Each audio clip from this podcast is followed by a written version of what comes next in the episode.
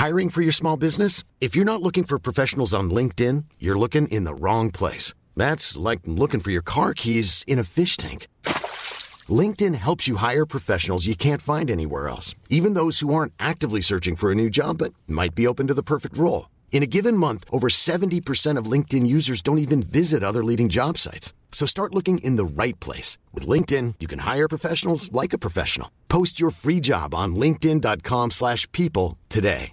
Imagine the softest sheets you've ever felt. Now imagine them getting even softer over time. That's what you'll feel with Bowl and Branch's organic cotton sheets. In a recent customer survey, 96% replied that Bowl and Branch sheets get softer with every wash. Start getting your best night's sleep in these sheets that get softer and softer for years to come. Try their sheets with a 30-night guarantee. Plus, get 15% off your first order at bowlandbranch.com. Code BUTTERY. Exclusions apply. See site for details. Mom deserves the best, and there's no better place to shop for Mother's Day than Whole Foods Market. They're your destination for unbeatable savings, from premium gifts to show-stopping flowers and irresistible desserts. Start by saving 33% with Prime on all body care and candles. Then get a 15-stem bunch of tulips for just $9.99 each with Prime. Round out Mom's menu with festive rosé, irresistible berry chantilly cake, and more special treats. Come celebrate Mother's Day at Whole Foods Market.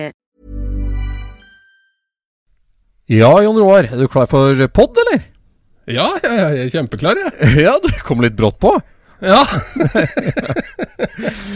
Nei, det er herlig. Velkommen til Scootspod episode nummer 60.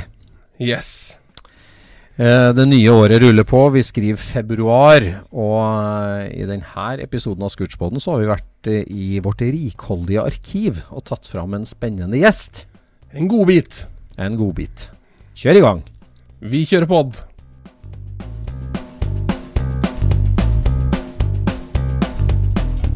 Du lytter nå til Scootspodden, en norsk podkast om klassisk bil med Jon Roar og Øystein.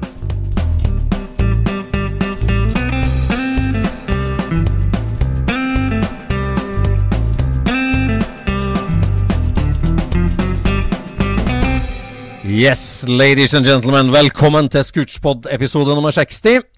Vi har jo eh, et arsenal av spennende folk vi kjenner, og folk vi blir kjent med, og folk vi får tips om. Ja.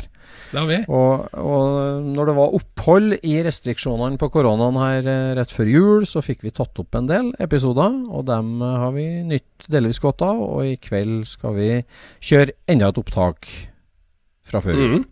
Mm. Det gleder vi oss til. Men først Hvordan har uka di gått så langt? Eh, den har gått eh, bra. Det Ja. har vært pussing av mur. Det er jo kjempeinteressant i en bilpod. Det er jo kjempeinteressant.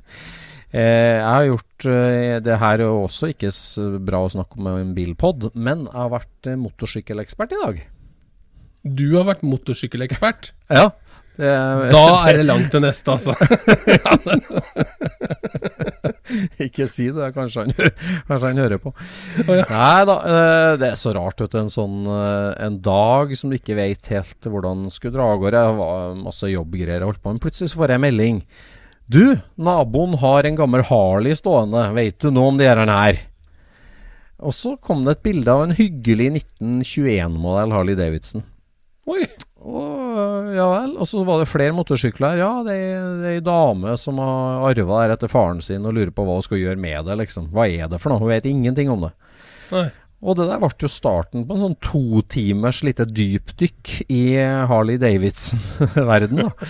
For meg, så, så er det sånn du får dille. Altså, jeg er jo vokst opp med, med to gamle Harleyer på låven, så jeg har jo et forhold til det gjennom ting som Ja. far min samla. Så har du liksom et forhold til det. og Det er klart det er jo kult. En 20-etasje Harley Davidson er jo drittøft. Eh, men plutselig så ble jeg medlem av eh, J- og JD-gruppa for Harley-fantaster på Facebook. Og begynte å J og JD. Å ja, ja, det er um, motortype. Ja, motortype. Ja, ok, ja. Tu- 1012 V-twin. Eh, så ble det liksom et dypdykk der. da Så dro vi av gårde i kveld og kikka på de der syklene. En, en, eh, en firsylindra Honda fra 374. Og en 1000 kubikker Harley da, fra 1920. Kjempehyggelig eh, sykla, vet du, begge Det vil jeg si er god spredning i samlinga. Ja, det er god spenning i samling. Nei, men det var liksom en slags grunn til at hun hadde det der. Altså Faren han eh, drev jo kjøreskole, så Hondaen det hadde vært kjøreskolesykkelen fra han var ny Ja. til han ble pensjonert. Ja. Så den hadde gått 70 000 km. Det er mange Ja. timer på bagasjebrettet med ekstra håndtak. altså. sånn. Det er det. Og Harleyen var en fyr som skyldte noe penger en gang, så han hadde fått den Harleyen i stedet for. Så det har bare stått der. Ja. Så, ja, så, så Nei da. Så det, men det var egentlig ikke jeg skulle snakke om. Det var mer det der at plutselig så får du et lite sånn halmstrå av en sånn ja, bilting eller tekt, altså om det er felgklips eller, eh, eller farger på gummibelgen på håndbrekk før 1953, eller hva. Plutselig får du en sånn greie. En mail, en SMS, en, en sånn. Og så drar det av gårde i et sånt lite dypdykk på det, da. Så Og den der poden her har jo egentlig utløser jo sånne skred en gang iblant. Ja, han gjør det. Sånn som det Jeg fikk jo Jeg hadde tre mistenkte til hvem som kom til å ringe meg etter den 67-poden. Ja. Og alle tre ringte samme dag. Hadde du dumma ut, da, eller på to centimeter på hovedløktene? Nei, det hadde jeg ikke. Men uh, skal vi se. Det var en som poengterte at eh, det var ikke forskjell på USA-lysbryter og europeisk lysbryter. Gud Så sier jeg nei, nei, nei. Men jeg bare mener at det er forskjell på 67 og 68. Og det var vi enige om, da. Ja, det er kjempeviktige ting. Altså, dem som Ja, sier at vi er for nerdete av og til, dem eh, skal bare vite hva som foregår i kulissene på Ja, det er jo lite Vi leser jo ikke opp så mye delenummer, egentlig. Det er ganske flinke til å la være. Ja, det er sant. Det er sant. Det er sant. Nei da, det ruller på. Jeg har vært i garasjen en god del i det siste. Holdt på. Ja. Mm. Jeg driver og forsker på et gearbox-mysterium nå. Eh, Gearbox-mysterium. Ja, gearbox-mysterium. Så, for jeg får ikke girboksdesignet gearbox-designet til å matche støpedatoen. Så nå lurer jeg på om jeg har eh, sånn reservedelsgirkasser. Nummerløse reservedelsgirkasser som er lagd i gammel design i nyere år. Men det jeg, må jeg må oppklare det før jeg går videre. Ja. Det hørtes jo veldig utypisk ut, egentlig, da. Ja, det er litt utypisk, men uh, like blid. Nei da, vi har fått en del tilbakemeldinger på denne entusiastprofildiskusjonen vi hadde i forrige pod, da, så vi skal, må lage en liten oppfølger på det kakediagrammet, da, med de fire yin-yang-dimensjonene for bilentusiaster. Ja. Så um, der eh, ligger det an til sånn personlighetsanalyserunde, tror jeg. Vi må ut med en tråd om det.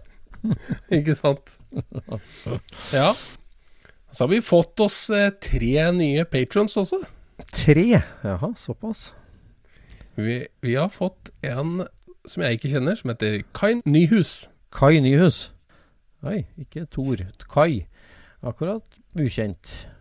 Ukjent, men Det, det veldig kjempe- velkomment. Det er jo kjempe, ja, ukjent, men det er kjempeflaut hvis jeg nå kommer på etter opptak at jeg kjenner ham. ja. Ja, det Ja, ja sånn. Det her er ja.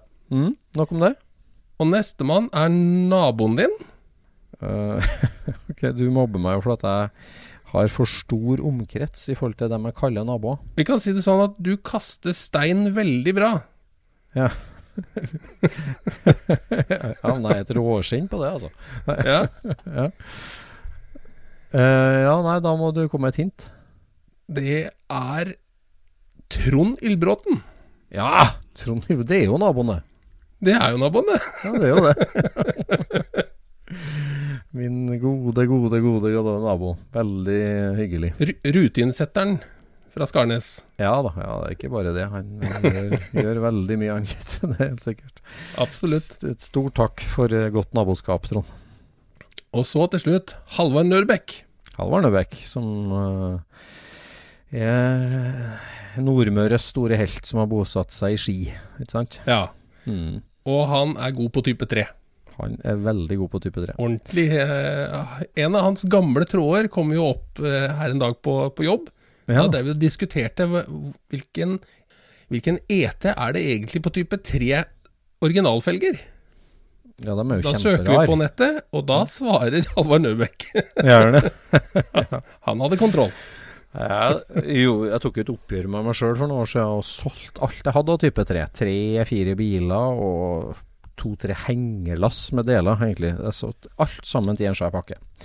Kvitta meg med type 3, det angrer jeg jo litt på, men jeg gjorde nå det. Og så drev jeg og rota her, og så fant jeg én type 3-ting. En, eh, en felg. La jeg ut okay. den for salg. Førstemann som svarte, Nørbekk. så, Corner the market, vet du. Eh, Cornering the market, ja. Det var sikkert. Veldig Ja. bra. Veldig, veldig bra. Det er en eh, veldig hyggelig del av det å lage podkast. Det er jo det å ha gjester. Og nå har det Mhm. vært mm. lockdown i sommer, og det har vært lockdown nå i vinter, men det var et opphold i høst. Og forhåpentligvis så går vi jo mot lys i denne tunnelen med både vaksine og alt mulig. Eh, Ja. Men det er jo litt av konseptet, at vi skal ha eh, det vi mm, Vanlige podder, si, der jeg og du prater litt sammen, og vi skal ha gjestepodder. Og det, det er jo veldig hyggelig å bli kjent med nye folk, og bli folk du kjenner, og få dem i intervjustolen for å kom, gå litt i dybden. Så vi har hatt veldig mange hyggelige podder allerede. Mm. Og i kveld så har vi en god venn av oss på besøk. Mhm.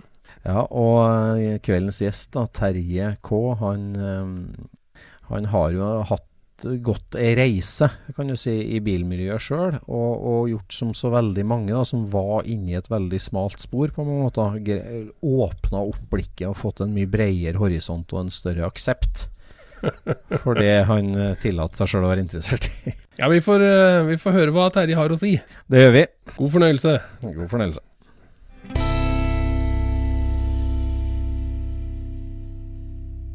Dagens episode av Scootspodden den starter egentlig for ca. 20 år siden, omtrent. For eh, nå sitter vi her i vårt eh, transportable studio, nei, i vårt studio.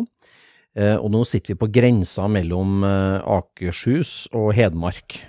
Ja. Og hit kom jo jeg flyttende for 20 år siden, omtrent. Ja. Eh, fra trivelige Trøndelag, østlandsrasist som jeg var, og skulle flytte ned til drømmejobben på bilfabrikk, norsk bilfabrikk.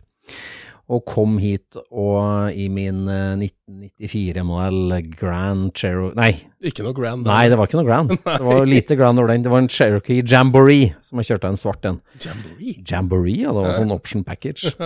Så flytta jeg hit og møtte min kjære kone og fikk meg jobb og alt mulig, og begynte å leite eh, etter gammel bil i området. Og da havna jeg hos eh, Fasanbrødrene på Skarnes. Det var to brødre som eh, bodde som einstøinger på et lite småbruk utafor Skarnes, og der sto eh, den gamle Edselen, kongebilen, bilen som dagens kong Harald fikk i gave på sin myndighetsdag når han var 21 år. Ja. Og for meg så var det jo helt utrolig at det kunne stå en sånn sjelden norsk bilhistorisk perle blant liksom skrot og søppel hos de her berykta Fasanbrødrene på Skarnes. Ja. Og jeg ble kjent med Fasanbrødrene, og jeg fikk kjøpt denne bilen, og, og skrev om det i Amcar, at eh, Amcar har redda den her eh, gamle kongebilen. Mhm. Og det syns jeg var stas, men da fikk jeg en telefon ja. rett etter den artikkelen sto på trykk. Og da var det en lokal helt som ringte meg og sa at for noe sprøyt, denne bilen der har vi visst om i alle år, Amcar-klubben har kjent igjen, og du skal komme hit og liksom oppdage den her sjeldenheten og, og sånn, det her var jo en veldig kjent sak. Jaha. Og så sa jeg tusen takk for eh, et sånt engasjement, og han som var i andre enden av telefonen, som, eh, som sa plasserte skapet i forhold til den lokale Amcar-klubben, det var kveldens gjest i Scootspoden, Terje K. Larsen. Velkommen hit. Takk. Sinnataggen i telefonen. Som regel ikke så sint, men eh, man må jo ta i når man skal gjøre det. Ja. Nei, du var, du var ikke så sint, jeg overdriver jo veldig, men, eh, men du ringte i hvert fall og fortalte meg her, og det, det var jo veldig hyggelig gjort, og det var jo starten på et langt vennskap. Ja. Så det var jo veldig hyggelig. Og vi kjente jo veldig godt til Fasan-tvillingene. Ja. Jeg var der første gangen i 1981 og tok bilder og så på bilene og snakka med dem. og Ja. Fant vel fort ut at uh, historia var ganske gammel, egentlig, for bestemora mi jobba der når de var to-tre år gamle og krabba rundt på gulvet. Ja. Og, ja. Ja, de var jo noe skikkelig bygdeoriginaler, og det at de da endte opp med, med kongens bil, var jo en spesiell historie. Ja. Men det at, eh, at du, Terje K, eh, kjente til den historien og hadde veldig god oversikt over alle biler her i distriktet, det var jo basert på årelang erfaring i hobbyen og, og med klubbdrifta, ACC Glåmdal. Ja. For ACC Glåmdal var jo en av eh, de hjørnesteinsklubbene, egentlig, når hele Amcar-bevegelsen ble etablert i Norge, og det, her, det var jo basert på lokale klubber rundt omkring. Det er jo det vi har tenkt å dykke litt ned i kveldens episode, dette med, med klubbdrift, bilklubber. Det var jo, det var jo veldig, veldig viktig for oss, eh, alle vi som er Flåklypa-generasjon, som vokste opp med, med, bilsport og bil og bilklubb. Det var veldig viktig. Eh, og spørsmålet er jo hvor, hvor, aktuelt det er fortsatt i dag, og, og, og hvordan det egentlig står til i, i Klubb-Norge. Så denne episoden av Scootspoden skal handle litt om det med, med dugnadstimene, ildsjeldrifta, og det her er det å bygge menigheten, bygge ja, det samlingsarenaene våre, da. Som, eh, hvordan, hvordan, var det før, og hvordan er det nå? Ja. Det har vi jo noen meninger om. Jeg kan si litt om opprinnelsene til ACC Glåmdal, sånn historisk sett. Eh, det var jo Årnesklubben som var mye tidligere ute enn oss. Ja. Mye dragracere. De fant ut at de skulle begynne med bilutstilling da i etterkant av Motorama. Så blei det jo masse bilutstillinger rundt i ulike messehaller. Og da var Kongsvinger en, et mye større tettsted enn Årnes, så da valgte de Kongsvinger og Kongsvinger messehall. Akkurat. Og der var det jo allerede et bilmiljø da, som følte at dette ble kanskje litt på deres bekostning. Ja. Så den klubben, Glåmdalsklubben den ble jo, fikk jo et ekstra oppsving av at eh, gutta fra Årnes eh, tok seg til rette i vårt distrikt. da. Det ble jo starta i 1978 som eh, klubb nummer 24 i Amcar, da. Ja. ACC Glåmdal. ACC Glåmdal. Og etter hvert så ble det jo et bra samarbeid med, med Årnesklubben, og det har det jo alltid. Vi har alltid hatt et godt samarbeid seinere, men det var liksom det som var starten. Ja, for Årnesklubben har jo vært starta og stoppa og starta og stoppa en del ganger, men Glåmdalklubben har vært en sånn tradisjonsrik klubb som har bestått og gått og gått hele veien. Har hatt noen bølgedaler, selvfølgelig, men sånn eh, opp igjen eh, over 150 medlemmer på det meste, og nå ligger vi vel på 140, så det er ganske bra. Mange aktive medlemmer har vi, og det har vi hatt hele tida. Og vi har mye nye medlemmer, men vi har også de da som har holdt på i 40-50 år, som aldri kommer til å gi seg antageligvis, før de Mm. pakker sammen. Men for å spole litt tilbake til da, du eh, Terje K. Du, eh, hvorfor er du bilinteressert? Ja, nei, det Det er vel veldig enkelt. Man var liten guttunge, og så var man hos en kamerat som hadde en eldre bror, og der lå det noen blad. Det var, for min del da, så var det jo Amcar og Right On, og så begynte vi å bla, bla i dem. Og da Jeg hadde ikke noe bilinteressert familie. så Faren min var jo absolutt ikke bilinteressert. Han, når jeg var født, så hadde han ikke bil engang. Så jeg kan jo fortelle om når han kjøpte sin første bil, for det husker jeg veldig godt. fordi han kjøpte jo bil i Oslo, av alle, alle ting. For det var jo dit man måtte for å få litt utvalg. Og da var jeg så liten så jeg nesten ikke husker, men det jeg husker, var at han måtte levere den på Bilsynet for å få uh, Hedmarksskilt. Det skulle altså være D-skilt istedenfor A-skilt, som det var på denne bilen her. Og da var vi på Bilsynet og leverte bilen på kvelden, parkerte den der, og så var det noe søstera si, som da blei tanta mi. Skulle vi dit og drikke kaffe da, før vi skulle gå hjem, da. Uh, tre barn og mor og far. Og det endte med at jeg nekta å gå inn i stua, la meg i gangen på gulvet og hoia og skreik, og det var bare tull, for de skulle ikke ta fra oss bilen. Og det er jo ikke noe interessant å nevne antageligvis sånn uh, umiddelbart, før jeg sier at det var en folkevogn. Ah, Det er hyggelig. ja, det er vanskelig å skille seg med. Så det er min svart, eh, sorte, sorte fortid.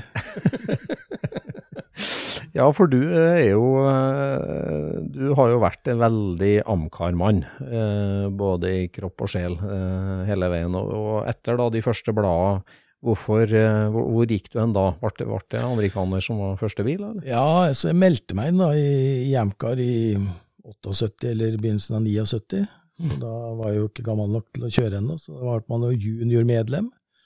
Og hang rundt de store gutta i lokalklubben, og det var stor stas hver gang den børna og alt som skjedde rundt det, men vi fikk jo ikke være medlem før vi fikk oss bil, da. Nei, akkurat. Så når jeg omsider blei gammel nok, så fikk jeg da dessverre arve en bil etter min far. og nå blir, jo, nå blir jo historien enda verre, for det, han ville, han, jeg nekta jo at den skulle stå i mitt navn, så forsikringa sto i mitt navn og hans navn, mens han hadde den registrert på seg da. Og da var jo det også da fra det unevnte merket, da, Volkswagen. Var det? Men jeg kjøpte jo da, kort tid etterpå, så kjøpte jeg selvfølgelig en Chevrolet som jeg fiksa og ordna med, da. Ja. Med utslitt eh, 283-motor som etter hvert ble 396, og ja, sånn som det skulle være på den tida. Så mens du skrudde på Chevrolet, så kjørte du med, med folkevogn? Ja, det var jo bruksbilen, den der eh, folkevogna da, så hadde man da på klubblokalet til Amca, lokale Amca-klubben, der sto jo Chevroleten da, så var det jo å kjøre med den. Mm. Til man fant ut at motoren var utslitt, og så var det da, da skulle det større motor inn, og girkassa skulle preppes med ekstra kløtsjer, og så var det da Big Block som, som gjaldt da. Ja. Og da, til en store forferdelse nå i ettertid, så ble den jo også omlakkert da. Oi, oi. Den hadde jo en veldig fin sånn desert beige farve, som i dag er helt fantastisk, men den gangen så var det helt forferdelig. Ja. Så da etter hvert så så man da Arild Sand komme med 34 Ford Tudor. og Det var en kjempefin farge, og den, den skulle man da ha en knall rød, så den ble jo knall rød. Og Sånn går det ofte. like sørgelig som alt det andre, så var det da en Porsche-farge. Ja, sånn gikk det jo ofte med de tidlige norske amerikanerne, at de gikk fra hyggelige, tidsriktige farger til Big Block og Porsche-farge. Ja. Så nå står den innerst på låven og venter på en ny vår når jeg blir gammel. Ja, for det var den første bilen du kjøpte, altså? Den, Ja, den første bilen jeg kjøpte, og heldigvis da, så har jeg vært eh, lur eller dum nok til å ta vare på akkurat den i hvert fall. det er en sånn todørs Chevelle eh, Nei, det er firedørs. Det er firedørs, akkurat. Ja. Hva var det med, som en ung da, glåmdaling, hva var, hva var det med Amcar-miljøet og klubben, og hva var, hva var det som var så hyggelig med det, altså til, tilhørigheten, eller hva? Nei, det var, vi hang jo i gata da, altså Kongsvinger er en veldig liten by, og vi sa aldri at vi skulle gå ned i byen. Vi bodde jo i sånne boligområder. Vi, på Kongsvinger så heter det å, å gå ned i gata, og det har det alltid gjort. Så det er et sånt eh, litt sær, særfenomen, da. Og da var det jo å henge på lokale gatekjøkken og se gutta som kom, med da ofte litt heist i ræva. Og, så skulle de børne, da. Da var det stas. Alltid børning, det var det morsomste. Så dere var liksom litt en generasjon under da, til de, de gutta som var først ut, og med børning og sånn, eller?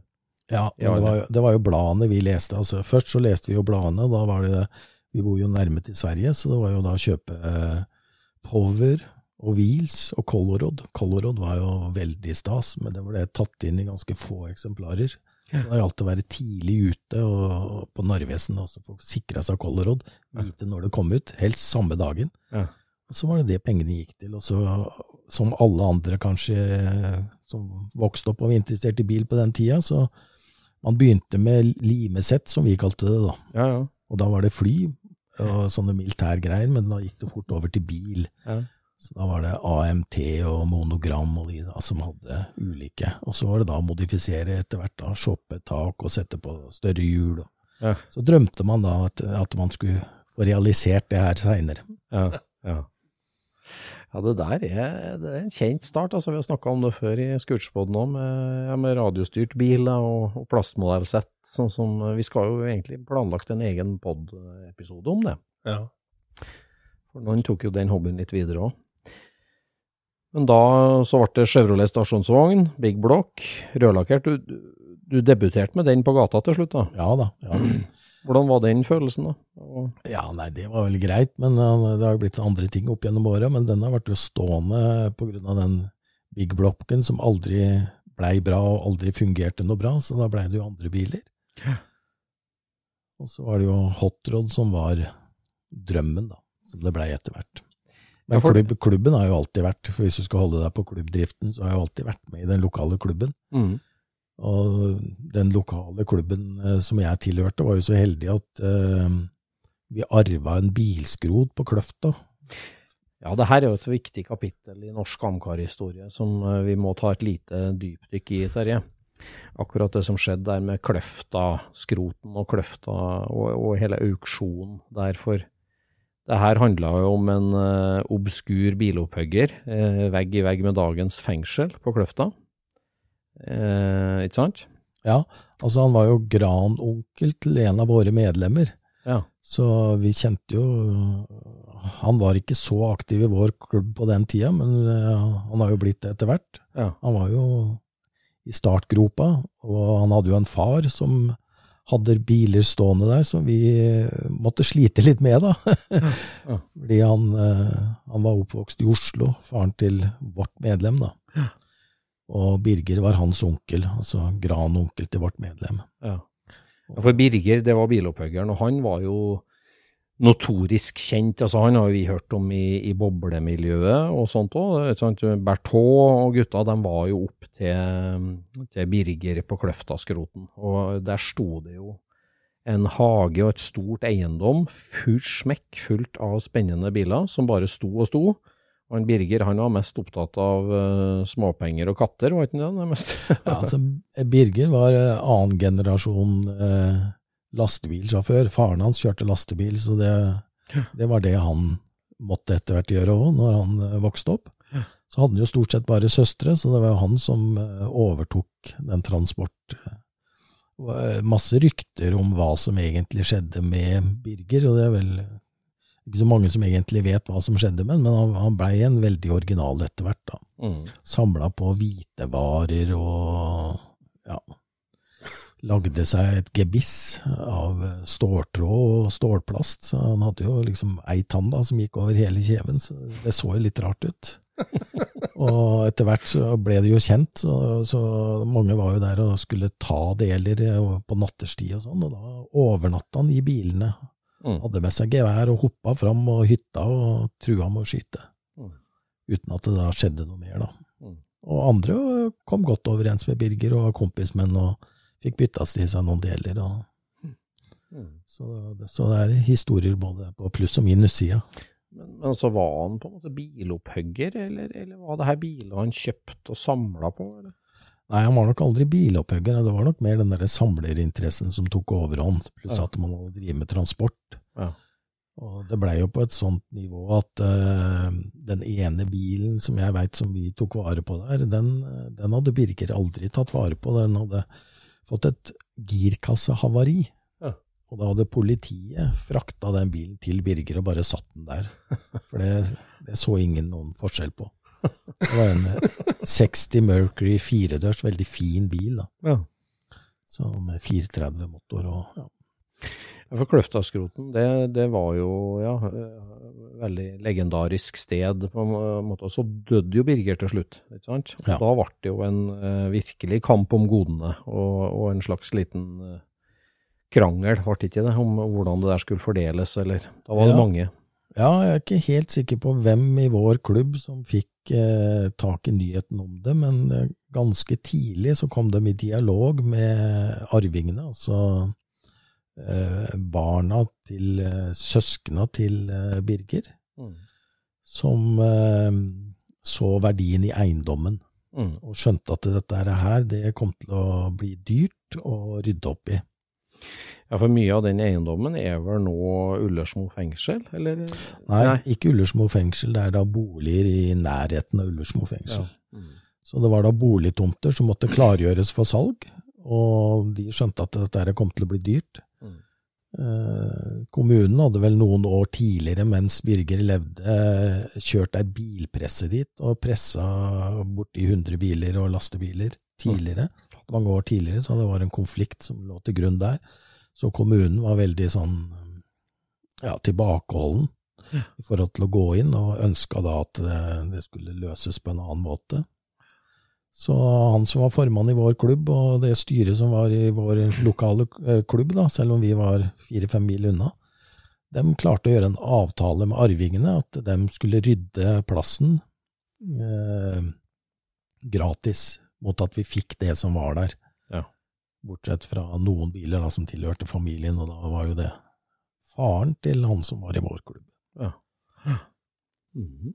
Og så ble det da dugnad, og der kom jo, det var en veldig stor dugnadsinnsats for å rydde alt det her, og det var et stor strid innad i vår klubb òg, for vi måtte forplikte oss til å rydde alt innen en gitt dato.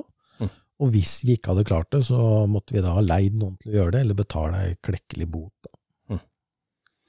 Så det var jo et gigantisk prosjekt da, for en liten lokal klubb, å skulle tømme et eh, Ja, hvor mange biler var det?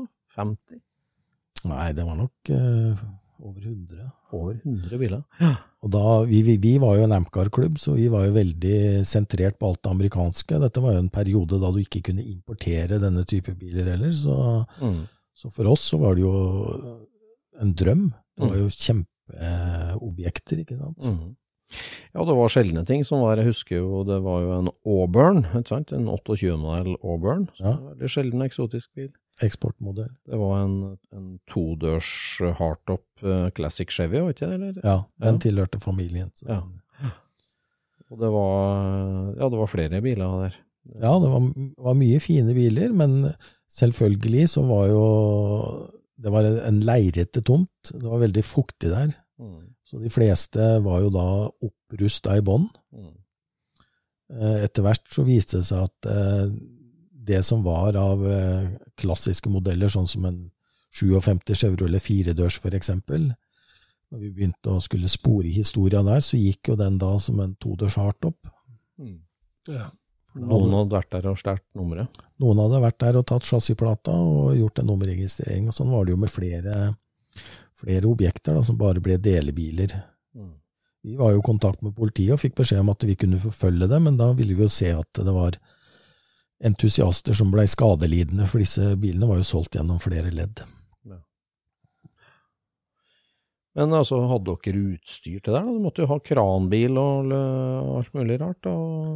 Ja, vi hadde en, en eh, i klubben som eh, hadde en far som drev med skroting av anleggsmaskiner. De hadde da tilgang på mye tungt utstyr. Tom Questerberg på N-track på Grinder.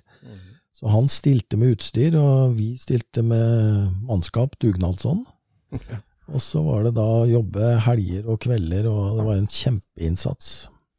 For da ble det jo tømt på Kløfta, og så ble alt det skrotet her flytta til Dulpetorpet. Ja. Sant? På Finnskogen. På Finnskogen. Der var det en stor plass der alt sammen ble lina opp og samla, så det, det er jo ikke en kort tur, det. det er, det to timer kjøring fra Kløfta dit, Ja, eller? ja, det er nok det. Ja. Og det var da faren til eh, nevnte Tom, da, som hadde en nedlagt uh, bulldoserbedrift inn på skogen der. Han hadde jo flytta til Grinner, til mer sentrale strøk. Tre mil nord for Kongsvinger, og dette var jo da fem-seks mil fra Kongsvinger. Så da ble det meste frakta dit, og så skulle det da auksjoneres bort. En svær auksjon som det gikk i gjetord om, virkelig, i det norske bilmiljøet. At uh, da skulle det selges. Ja, men det som kan ses på som litt rart i etterkant, da, når en uh, Ampcar-klubb uh, arver noe sånn og har så ensidig fokus på amerikanske biler som vi hadde, så var det jo ingen av de andre bilene som hadde verdi. Nei. Så da var det enkelte medlemmer i klubben som da fikk eh, det mandatet at alt som ikke var amerikansk, det kunne man bare selge og bytte bort og kvitte seg med. Så alle de boblene med delt bakrute og de gamle bussene, det er bare skrot. Få det vekk. Ingen verdi. Ja. Så hadde vi jo da avtale sånn at vi fikk eh, med en lokal bilskrot som tok imot. Ja, ja. Altså, det dreide seg jo etter hvert om ganske mange kjøretøyer som var, ja, som var ikke-amerikanske og i så dårlig forfatning at det bare måtte kjøres rett på skroten. Men Den silinga der har vel vært litt annerledes kanskje i dag, tenker jeg på både merke og tilstand. den hadde nok vært veldig annerledes. Mm. Men eh, historisk sett for ettertiden så har vi faktisk et register som, eh, som er bevart, der til og med de bilene som er sendt på skrot, stort sett er notert med chassisnummer. Hjemtid? Ja akkurat. Det, det liker vi ikke å si, for da må vi begynne å leite etter Da får vi henvendelser, og så må vi begynne å leite etter ting. Så det finnes i klubbarkivet det på klubbhuset på Kongsvinger? Ligger nok hjemme hos meg i en bærepose på loftet. Det ble en veldig inntektsbringende auksjon der da, for klubben? Ja, eh, auksjonen var vel eh, Ja, objektene var dårligere enn forventa, da. Og våre egne medlemmer, særlig de som hadde gjort en god innsats, fikk jo reservere sine objekter oh, ja. i håp om at uh, man skulle få det på veien igjen. ja. Det var det som var drømmen. Mm. Uh, det som var uh, uhell for oss, men hell for resten av den norske bilhobbyen, var jo at eh, 30-årsregelen kom rett etterpå. Ja. Så alle de som hadde sikra seg objekter og drømt om å restaurere, dem innså jo ganske raskt at det var mye raskere og enklere å kjøpe noe utenifra. ja, for det her skjedde midt på 80-tallet omtrent, da. Den, 84. 84, ja. Akkurat. Mm. 85 var vel 30-årsregelen, så da. Mm. Og det tok jo litt tid før vi fikk rydda opp og hatt den auksjonen og sånn, så det var vel liksom nesten i samme momentet som 30-årsregelen. Ja, ja 30-årsregelen har betydd mye for eh, norsk bilhobby. Ja.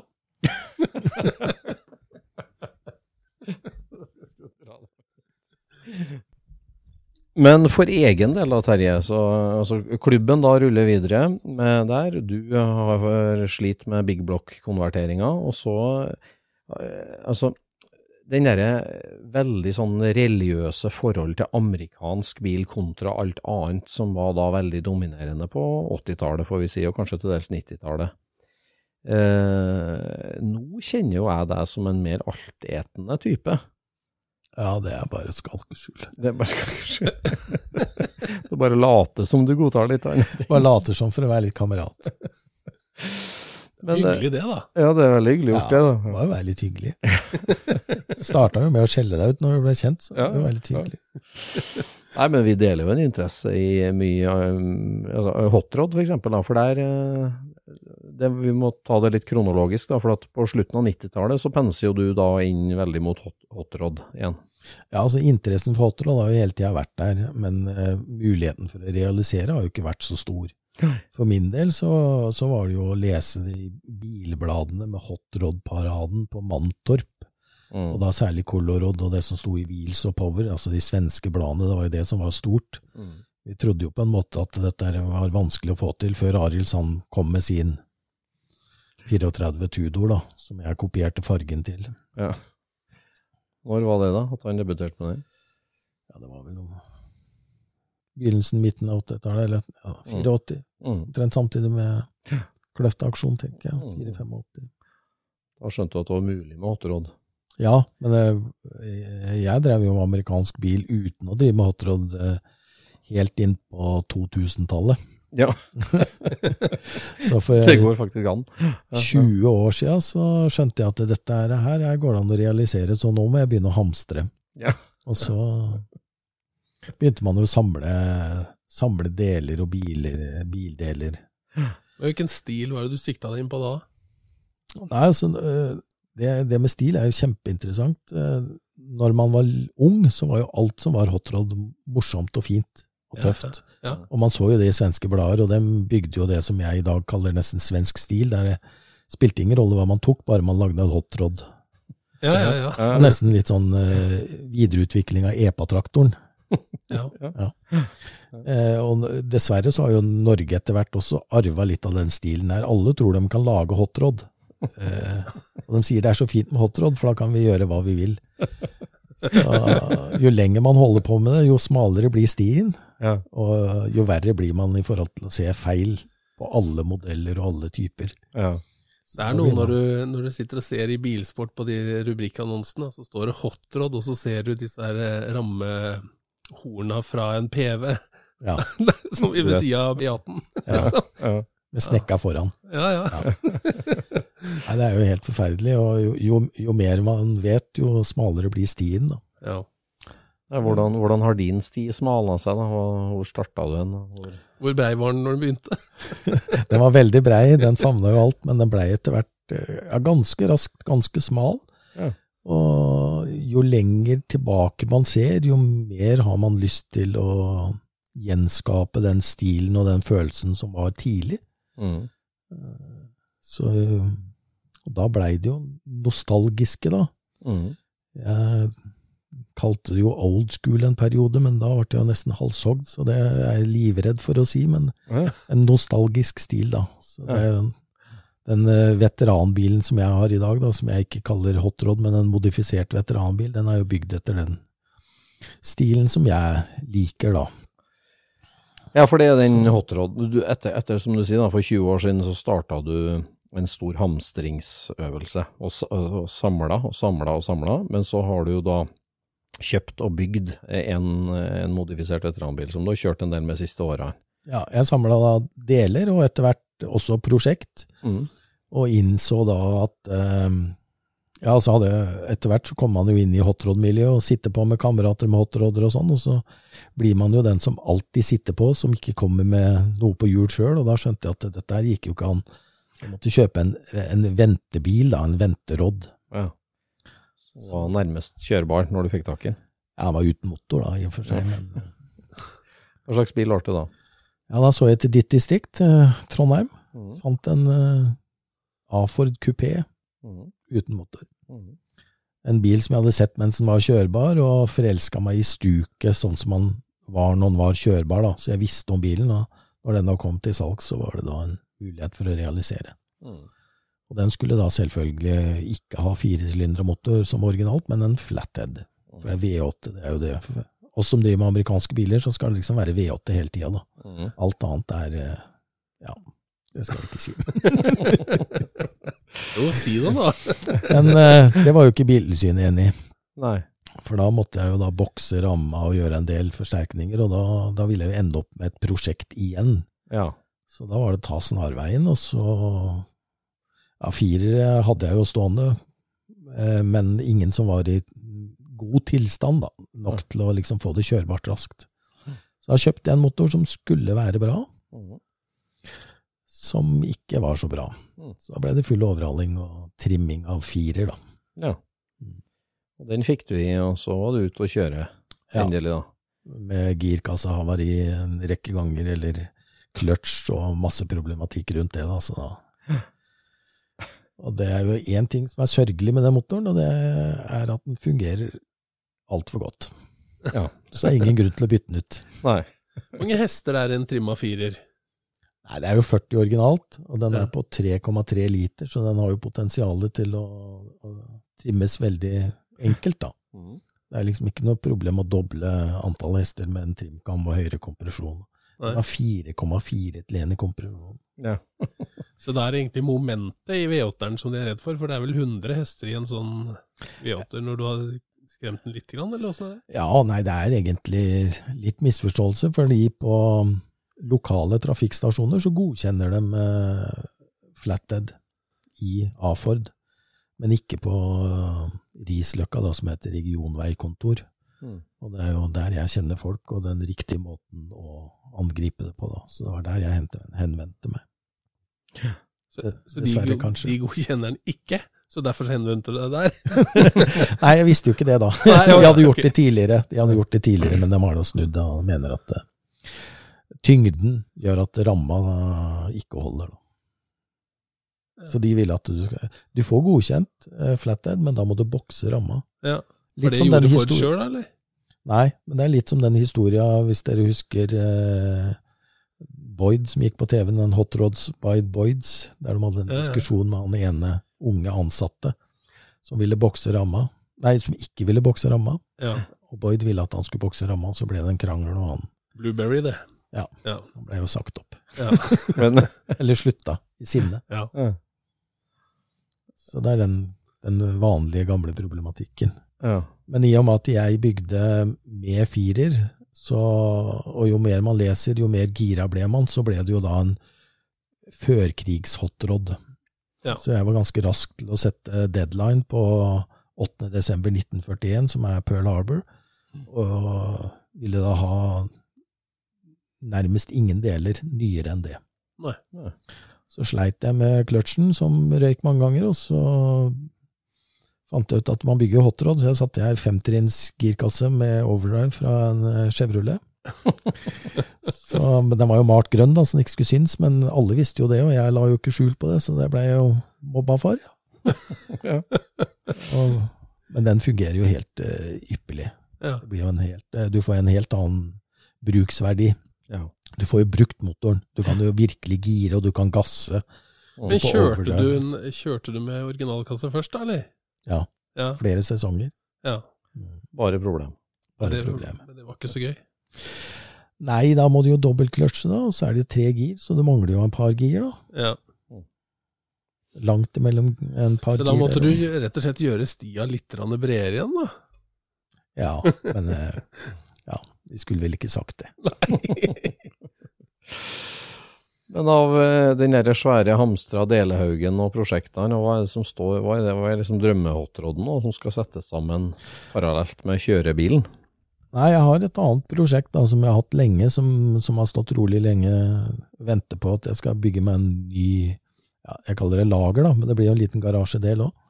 Ja, det må vi eh, snakke mer om. Men snakk ferdig først om bilprosjektet. Ja, det er da den bilen jeg begynte på før den A-Ford Coupéen, og den er da også bygd ut ifra en bestemt tidsperiode. Dette er jo sånn period correct, heter eh, stilen. Som, eh, og da bestemmer du deg for en cutoff date, en eh, dato som du ikke skal ha noe nyere enn.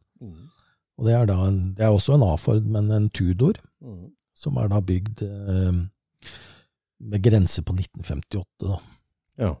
Da snakker vi Buick-bremser, eh, eh, fortsatt trommelbremser, men med flense aluminiumsdommer, EMI-motor og ja, litt Ja. mer godsaker og litt mer power, da. Boksa ramme. Boksa ramme. Ja. Ja. Får du godkjent alt det der, da? eller? Eh, ja, det diskuterer vi. Ja, for altså, etter hvert så gikk har jo du engasjert deg i litt i mer klubbdrift, ikke bare lokalt ACC Glåmdalen, men også norske hotrod eh, Nosra, ikke sant, og Early V8-klubben.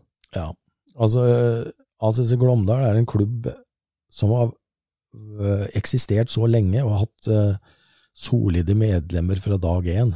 Medlemmer som fortsatt er aktive. Mm. Så selv om jeg er formann i klubben, så gjør jeg egentlig ikke så mye, fordi at eh, vi har aktive medlemmer Mm. som står for driften i klubben. Mm. Så da blir det mer sånn administrativt for meg som formann, egentlig. Mm. Og i og med at jeg var litt over snittet interessert i råd, og, og så er det det at man ikke klarer å holde kjeft. Ja. Da er det enkelte som ser at han der bråkmakeren der, hva er dette for noe tull, liksom? Mm. Og så var det egentlig noe som ikke har med bil, som gjorde at jeg havna i, i um, den norske Rodd-klubben, da. Ja. Norwegian Street Road Association. Og det var at de hadde jo en webside som krasja, og et forum som krasja stadig vekk. Mm. Og så hadde de skjønt at jeg kunne fikse det her, og da fikk jeg den jobben å fikse det. Mm. Fordi jeg, hadde, ja, jeg tok en utdannelse på det en, en gang i tida, da. Ja. Som systemutvikler og programmerer, så da kunne jeg fikse det. Og så ville de ha meg i styret, og jeg nekta jo da hele tida.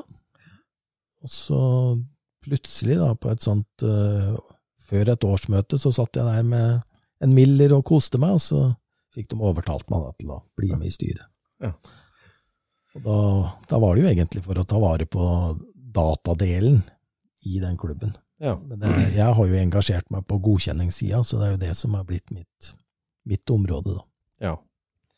Nosra, da, som en sånn paraplyorganisasjon for eh, ja, hotrod-miljøet i Norge. Det, er under, altså det er jo mange mindre hotrod-klubber òg, er ikke det, rundt om i Ja, det er jo en paraplyorganisasjon, så tanken var at han skulle virke nesten som Amcar eh, i forhold til Amcar-klubber i Norge. mm, Det var tanken at det er en moderorganisasjon, de skal ikke arrangere noe sjøl. mm, Norway Nats, altså årsmøtet, blir arrangert rundt i landet. mm. Og så utgir de et blad, da, så de har jo et styre og redaktører og litt sånne ting. Så der ble jeg også lurt med litt etter hvert, men eh, ja. Hvordan står det til med norske hotrod-miljøet? Er det Jeg har vel liksom nesten en sånn følelse av at, at du begynner liksom å nå i sånn forgubbing der òg, litt sånn som du har hatt i en del andre eh, tidsbestemte klubber, eller? Jo, helt riktig. Ja. Ehm, noe av min agenda med å bli med, var jo også å dra med de som drev den delen av hobbyen som jeg var interessert i, altså nostalgiske rodder. Eh, For dem ville aldri være med noen som, uh, som drev med stritrodder, da. Det er å banne i kjerka for dem.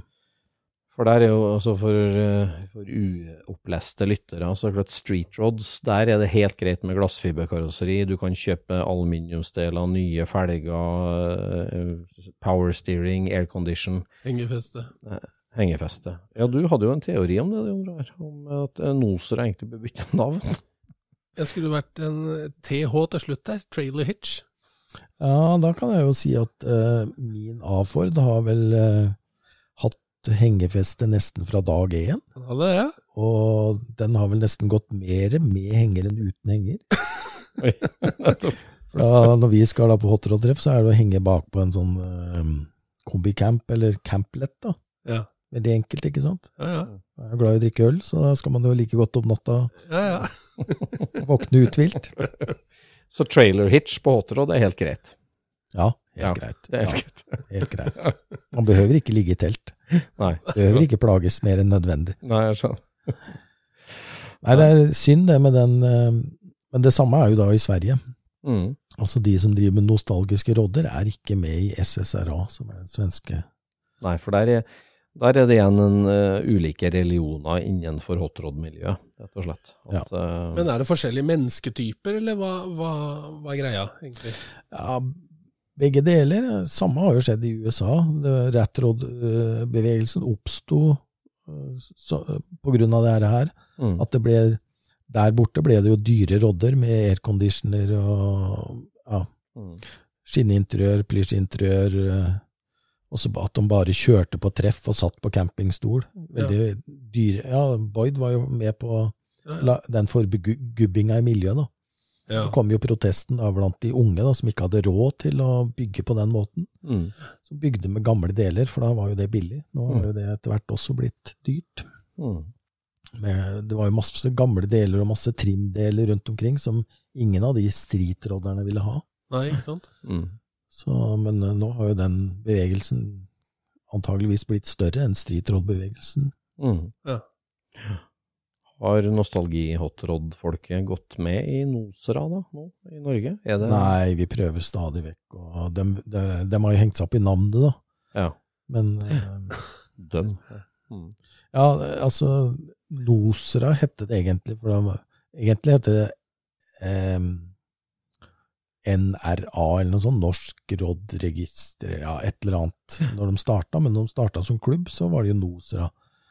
Og så syntes de det var litt tungvint, så ble det NSRA, Mm. og hvordan noen kan skifte til å få en betegnelse som starter med NS, det skjønner jo ikke jeg, men det klarte de da å få til. Ja, akkurat. Så i dag heter de da NSRA, og ikke Nosera, som jeg hele tida sier. Akkurat. Ja. Jeg skjønner. Men så på et hotrod-treff i Norge i dag, da, så er det litt sånn altså du har uh, det herre Coop Devils, Blaker, Hotrod, altså Patina, Rockabilly-gjengen, og så har du Streetrod-gjengen. Er det to forskjellige ting fortsatt? Uh, Ja, det er to forskjellige ting, og de Mm. som kommer med streetrod, de da prøver De mener da at nei, nå skal vi være litt flinke, og så skal vi reise på treffene til de som driver med nostalgiske Ja, sånn Og så kjører jo da mange samme prinsippet som A-Bombers, det kjente treffet i Sverige, da, som er, egentlig er Nostalgic Weekend, Mm, altså et no nostalgitreff. mm, Og de skal da ha den nostalgien som de gamle bilene skaper. mm. Og da vil ikke de slippe inn de med stritråd. Nei. Nei. Ødelegger da, bildene. Da blir jo konflikten total. Ja. Så, pluss at uh, noen av de som har kommet med nostalgiske rodder, som begynte med det ganske tidlig, Mm. skulle reise på streetrådtreff. Og de som da hadde streetråd, de skjønte ikke at de bilene var rodda, så de mente det var originalbiler, og nekta dem å komme inn. Intet håp i sikte. Men hvor går grensa hen, da? Altså, sånn, vi har snakka om f.eks. Uh, vår venn Vidar Haugen på Lillehammer med den utrolige A-Ford aluminiumsracerbilen. Ja, Er, det- er det en hotrod, eller? Nei, det er jo ikke det. Det er jo, en, det er, det er jo et amatørbygge, kan du si. Eller det er jo, en, det er jo scratchbilt. Ja. Det er jo coachspilt, eller eh, Mm. ja. Det er jo for lite igjen, eh, nesten, av opprinnelsen til eh, Altså, det tidlige hotroddere var ikke så avanserte og flinke som han var. Nei. Ja, men sånn drop tank, da? Ja, men da brukte, de, da brukte de en, en spesifikk del. Altså en Ja, Så det er for at de ikke klarer å forme plata sjøl? ja. Jeg skjønner. Nei, altså Han ville nok komme inn på et hotroddtreff, jeg tviler ikke på det. Og, og står jo stor respekt av jobben han har gjort, men han, han er jo ikke i den kategorien, selv om han da har en Litt usikker på hva slags ramme han har, men han har jo en flathead. Er det en A-Ford-ramme, kanskje? A-Ford-ramme. Mm. Petlund, Lars Petlund på Jessheim har jo Mm. noe Makan. lignende, som kanskje er mer mot hotrod-verdenen, jeg vet ikke. Mm, mm. Det er ikke lett, dette her. Nei, men altså, begge, begge, eller begge de to vil jo yte stor respekt i alle leirer, vil jeg tro. og Mm. Mm. bli Duett, et duettsjassi, da. Et Duettsjassi med B20 og et glassfiberkarosseri på. Er det en Kommer den inn på et streetroad-treff, eller et nostalgitreff? Eller? Jeg tror nok heller han kommer inn på et streetroad-treff. Han gjør det. Ja. nostalgitreff. Altså, det er jo ikke noen begrensning i eh, hva du bygger, men man følger jo de amerikanske reglene. Mm. Pre-48, altså før 48. Mm. Eh, de, de skiller seg jo også at de, ikke, de skal på en måte ikke favne custom. De skal jo, I Norge så er det jo sånn at Rodd-miljøet favner rodder. Ja. Eh, De har jo prøvd å være litt snille og si at de skal ha med customs, men de treffer heller ikke det miljøet. Det miljøet er eh, eget og sært. Så det skal være en karosseritype fra før 1948. Mm. Så ei fin boble med delt bakrute, og hvitsidekk og litt senka foran. Rødlakkerte felger. Rett inn. Går rett inn. Ja, da må du ha en tidlig splitt, da. Du må, Mm. Jeg har en 46 mal, jeg. Pre-53, egentlig. Ja. Laga en engelskmann. Nei, Så kommer du med en, en 52-modell folkevogn, så hvis den er produsert da fra 46, som jeg tror da kanskje i min uvitenhet, så Ja. er jo den innafor. Ja. 38. Ja, Ja. 38. Førkrigs. Så, så det kan komme inn altså Selv om det er basert på noe helt annet enn en amerikansk 30-taller, så kan det bli hotrod for det. Ja. Ja. Det, er ikke noe, det er ikke noe krav om amerikansk. Nei. Verken i hotrod eller streetrod-miljøet. Nei. Vi har snakka om det før, vi i Scootspoden, i forhold til um, folkevognstilen, Calluck eller ombygde bobler, der det på en måte er egentlig sånn at ja, du får bygge det du vil og gjøre bilen til din, og det er personlig, og alt er lov, og det er custom, og det er ombygd og sånn, men så er det jo egentlig veldig strenge regler for hva som blir akseptert og ikke. Å komme med takrinn på Calluker i bobleverden er liksom, det blir feil. Og i hotrod-verdenen er det sånn, ja, det er kreativt, du kan bygge hva du vil, men det er jo egentlig liksom litt strenge regler på hvordan det skal se ut, tenker jeg. Det skal, ikke, skal ikke gå langt utafor normen før uh, besserwissere rynker på nesa. Ja, men i forhold til adgang, så vil ikke stilen være avgjørende. Men hvis du ser på A-Bombers, som er et kjent treff i Sverige, de tillot folkevogner før. De har jo en grense på 1956 for å slippe inn. Mm. Og det er jo old style weekend. De ønsker jo at folk kler seg i gamle klær og, går, og gamle biler. Mm. Eh, de har da blitt så store at de stopper eh, folkevogner. Ja, de har gjort det. Så jeg, jeg har jo kamerater som har vært der med splitt tidligere og blitt, fått klapp på skuldra og sånn, og så noen år seinere så er det nei, Ja. rett ut. Mm. Sånn kan det gå. Og der må jo også stilen være før. Du kan ikke komme med en stritråd der. og så Bilen skal være bygd i en stil før 1956. Mm.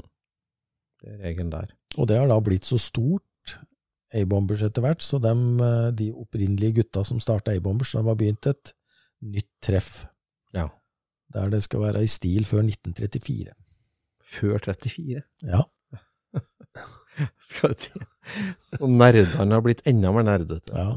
Altså, det er stilen, da. Altså, eh, der er det jo fortsatt eh, flatheads, da. Mm. Og de, er, de slipper inn ting som er nyere, men de har jo satt en grense for å Men da skal den se ut som motoren er bare to år gammel. Nei. Altså, det er ikke der, nei. Nei da. det, ikke, det skal ikke se ut som man gjorde i 34. Ja da. Jeg vet, jo om at det, det er jo biler der med nyere motorer, så er de har panser igjen. Ok. Og gutta, gutta på treffet der veit at dette er nyere greier, men eh, stilen Ja. Men, eh, men altså A-Bombers, den, den old style weekenden på A-Bombers, er det noen andre som arrangerer det nå, eller? Er det- Nei da, det er A-Bombers, den klubben. Det er, Mm. det er jo Old Style Weekend som er navnet på treffet, Mm. men det er A-Bombers-klubben som arrangerer. Mm. Og da har han fått det navnet på folkemunne, som da er vanskelig å snu. Så den samme gjengen arrangerer liksom det store old style-treffet, men også det pre-34-treffet nå, da? Stort er ikke det Old Style-treffet. Det er jo på det gamle stedet der de hadde A-Bombers opprinnelig. Ja. Bergs fest, festplass. Ja. Men hvordan er det med, med bilklubba i dag? Altså, jeg, jeg tenker jo det at når jeg vokste opp i, i, under Amcar-paraplyen i Trondheim, da kan du si, så var jo klubben var jo veldig viktig. Det var jakkemerker, og det var stickers, og det var medlemsmøter, det var rabattavtaler, det var en religion og ei kirke å venne seg til. Eh, og det, det var viktig altså, kan si, utforminga av min bilinteresse da, oppover eh, si 80-tallet, eh, 90-tallet, så var jo sånn klubbtilhørighet og klubben var jo viktig. Jeg tenker at i Norge så har, vært, eh, har, har det vært et veldig viktig bæreplanke i utviklinga av bilhobbyen som kultur. Altså at Amcar har vært en så sterk organisasjon at det har vært så mange merkeklubber, så mange lokalklubber. Vært en veldig viktig del av utviklinga av hobbyen, tenker jeg. Ja, vår lokalklubb levde jo under det i alle år. Ja. Da hadde man en, en egen logo som ligna litt på Amcar sin. Det var jo en, en ørn, selvfølgelig, og amerikanske flagg, og Mm. 78 sto det da, for det var da den klubben var danna. Da hadde du da det påsydde jakkemerket på ene armen på olajakka fra ACC-en, og så hadde du det fra ACC Glåmdal på andre jakka. Ja, merket, og da måtte du bli medlem, da måtte du bli anbefalt av flere medlemmer i klubben, og så måtte du møte på et visst antall medlemsmøter, og så blei du da tatt opp i det gode selskap, da. Og hvis du da hadde drevet med fillekjøring, eller kom i ugunst på en annen måte hos eh, de som var der, og meldte deg ut av klubben, så måtte du rive av det jakkemerket og levere det igjen. Det var, Såpass, ja. ja, det var strengt. Det var Ja. justis. Ja, det var ikke ingen med jakkemerke som ikke var medlem av klubben. Si på, si på 70- og 80-tallet da, så, så var det jo Ja, da ble det jo en kilde til tilgang på blad og inspirasjon og medlems... og snakke med andre folk, det likesinna.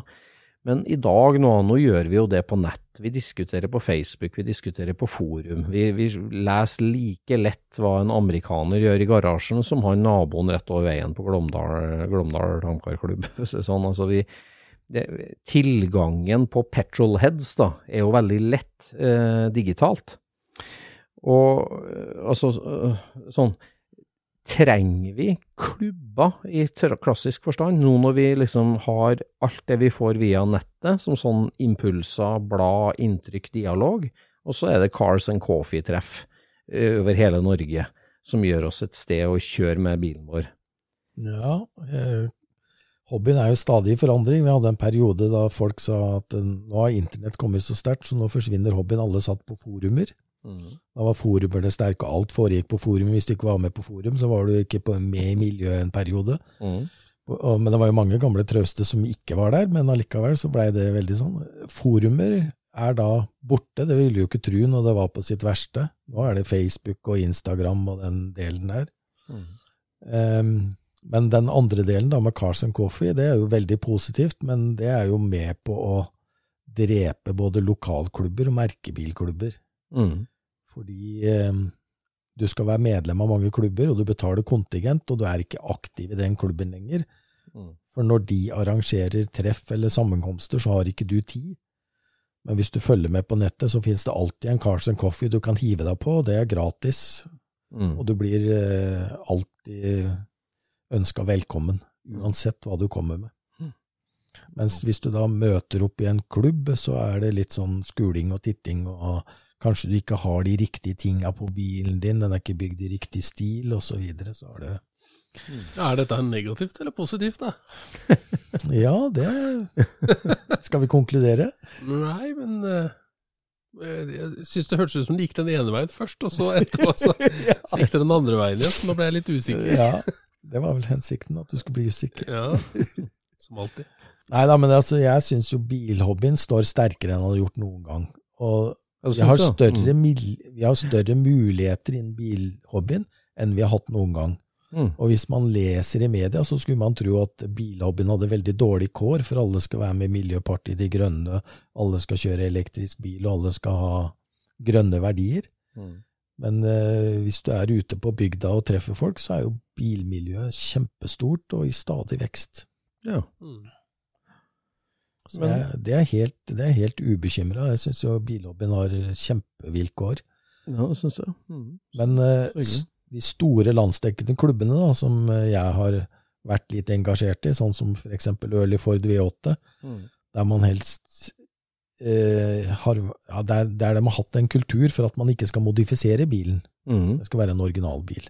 Mm. Der har de skjønt etter hvert at du må ta inn de som vil modifisere tidsriktig. Mm. Ikke de med glassfiberkarosseri og smalblokk Chevrolet og eh, stort avvik fra det Henry Ford tenkte, men de som da vil trimme en flathead med tidsriktige deler, hydrauliske bremser, senke framaksel osv. Mm. De prøver da å holde igjen litt og si det at når man da shopper taket, så gjør man tiltak som ikke er reversible. Mm. Så de vil på en måte stoppe det der, men om de klarer det, det er jeg litt usikker på. Mm. Når jeg ble med der, så sa jeg at snittalderen var 70 år, og da blei alle sure, men eh, de som satt i styret, var vel nærmere 70, mange av dem, så det var jo ikke så rart. Mm. Når vi begynte, når vi ja, når jeg ble med i en redaksjonskomité og skulle ut i et blad, så tenkte vi at eh, nå har vi gått over til styreweb, som mange bilklubber går over til, et eh, elektronisk verktøy på, på weben. Da. da tenkte jeg at nå har vi muligheter for å se hvordan det egentlig står til. Så vi lagde en statistikk. Snittalder 65,5 år. Mm. Mm. Og da hadde vi veldig mange medlemmer som måtte ha tillatelse av en eller annen lege for å utøve hobbyen sin, altså for å ha, beholde førerkortet. Ja. Og da så vi det etter hvert. eh, Jeg sn- jeg snakker med mange i miljøet, og ser det da etter hvert at eh, de slutter å kjøre bil for at de ikke har førerkort, men de selger ikke bilen. De går ut i garasjen, og så sitter de i bilen. Kanskje til og med starter opp og tar opp døra og ser litt. Altså. Så selv om de da ikke har muligheter til å utøve hobbyen som, eh, som sjåfører, så, så har hobbyen sin verdi helt til de dør. Ja. Mm. Ja. Det er ikke en aldersbestemt hobby på noen måte sånn. Det krever jo ja.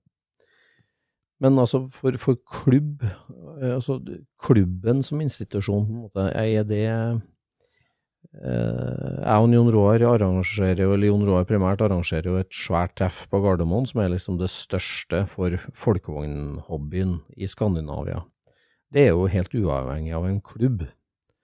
Så spørsmålet er på en måte, greier klubb, klubb som institusjon og liksom tilpasse dagens uh, måte å drive hobby på, eller, eller, eller er det andre institusjoner og ildsjeler som, som server jeg er litt spent på klubben som klubber som institusjon, da. Kommer Ja, det til Jeg har jo stor tro på klubben som institusjon gjennom erfaring. mm, Vi har en lokalklubb, starta i 1978, hatt sporadisk forskjellig medlemsantall, selvfølgelig.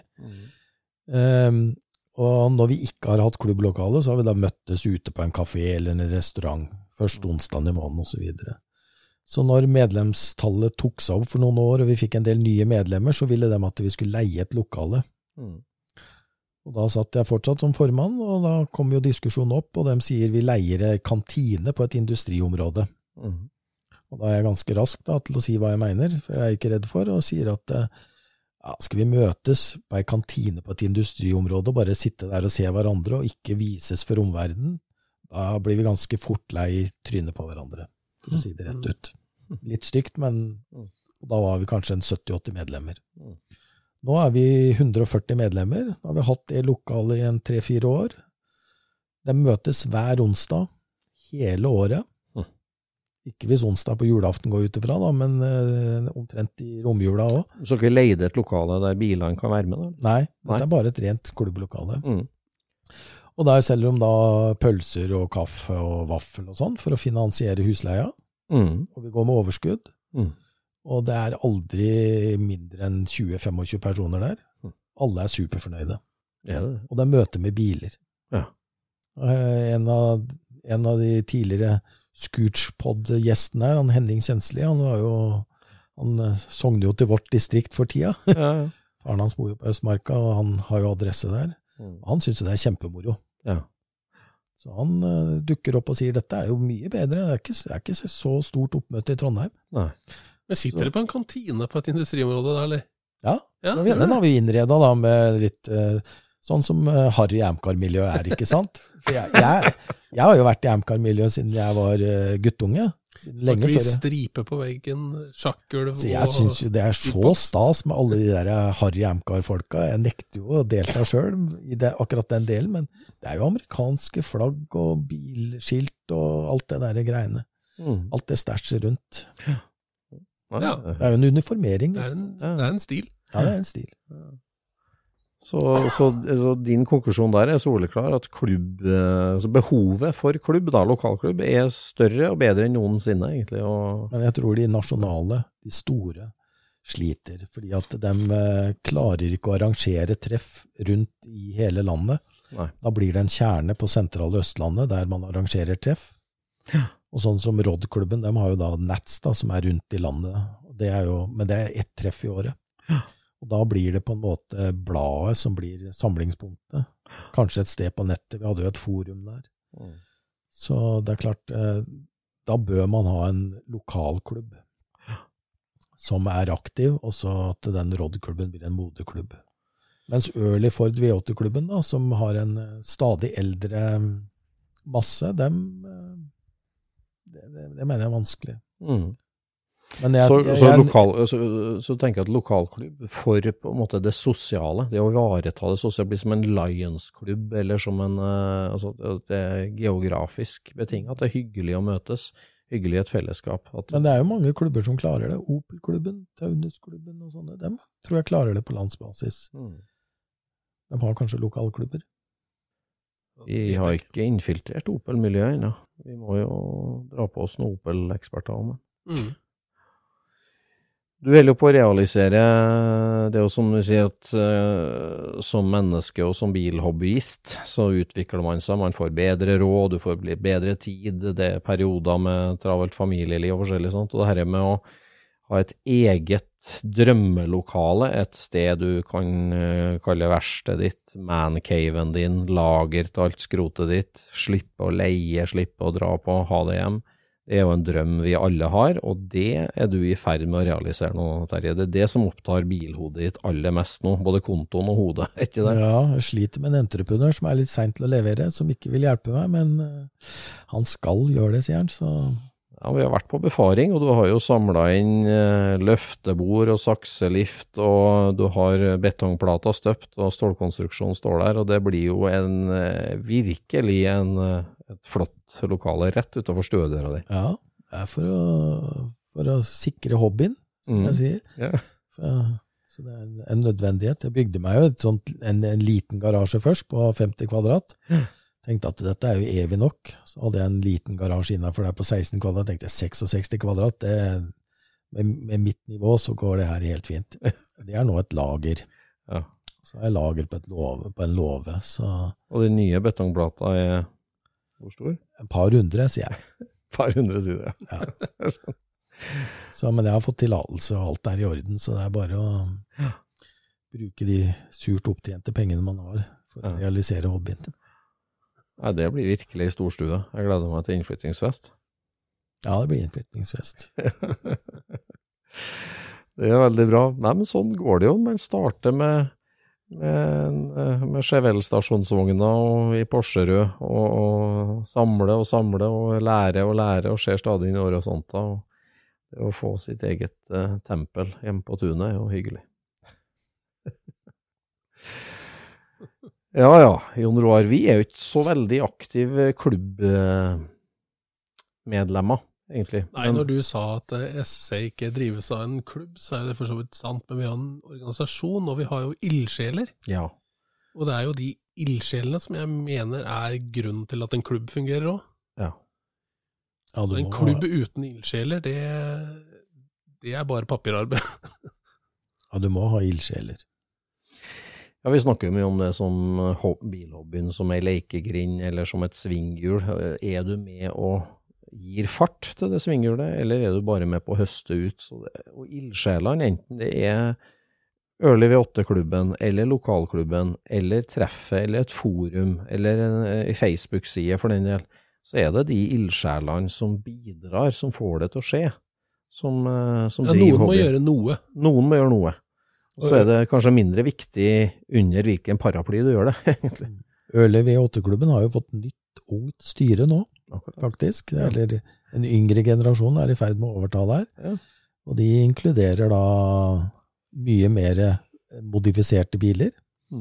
Og de har vært flinke til å få det ut i media. Og siste løpet de hadde nå, eller siste treffet de hadde nå, til tross for korona, det var jo både i Finansavisen Motor og i Amcar og sånn, så de er flinke til å promotere seg. og Mm. Så jeg har jo litt håp for dem, selv om jeg er litt sånn dommedagsprofet og skal erte dem litt innimellom. Ja, nei, det er viktig med ildsjela. Og eh, du er en sånn en, Terje, med mange hatter på hodet. Og det, på vegne av bilhobbyen, så sier vi takk for det. Takk.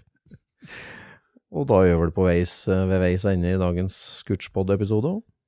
Ja, det har vært hyggelig, det her. Veldig hyggelig.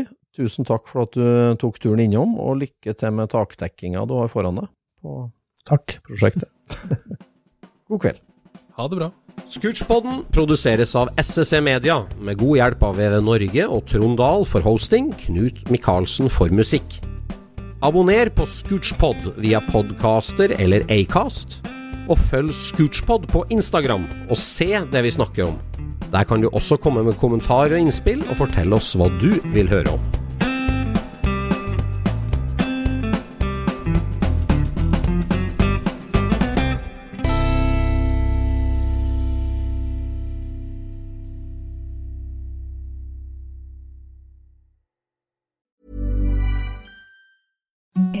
The softest sheets you've ever felt. Now imagine them getting even softer over time. That's what you'll feel with Bowl and Branch's organic cotton sheets. In a recent customer survey, 96% replied that Bowl and Branch sheets get softer with every wash. Start getting your best night's sleep in these sheets that get softer and softer for years to come. Try their sheets with a 30-night guarantee. Plus, get 15% off your first order at bowlandbranch.com. Code BUTTERY. Exclusions apply. See site for details. Mom deserves the best, and there's no better place to shop for Mother's Day than Whole Foods Market. They're your destination for unbeatable savings, from premium gifts to show-stopping flowers and irresistible desserts. Start by saving 33% with Prime on all body care and candles. Then get a 15-stem bunch of tulips for just $9.99 each with Prime. Round out Mom's menu with festive rosé, irresistible berry chantilly cake, and more special treats. Come celebrate Mother's Day at Whole Foods Market. Planning for your next trip? Elevate your travel style with Quince. Quince has all the jet setting essentials you'll want for your next getaway, like European linen, premium luggage options, buttery soft Italian leather bags, and so much more. And is all priced at 50 to 80% less than similar brands. Plus, Quince only works with factories that use safe and ethical manufacturing practices. Pack your bags with high-quality essentials you'll be wearing for vacations to come with Quince. Go to quince.com slash pack for free shipping and 365-day returns.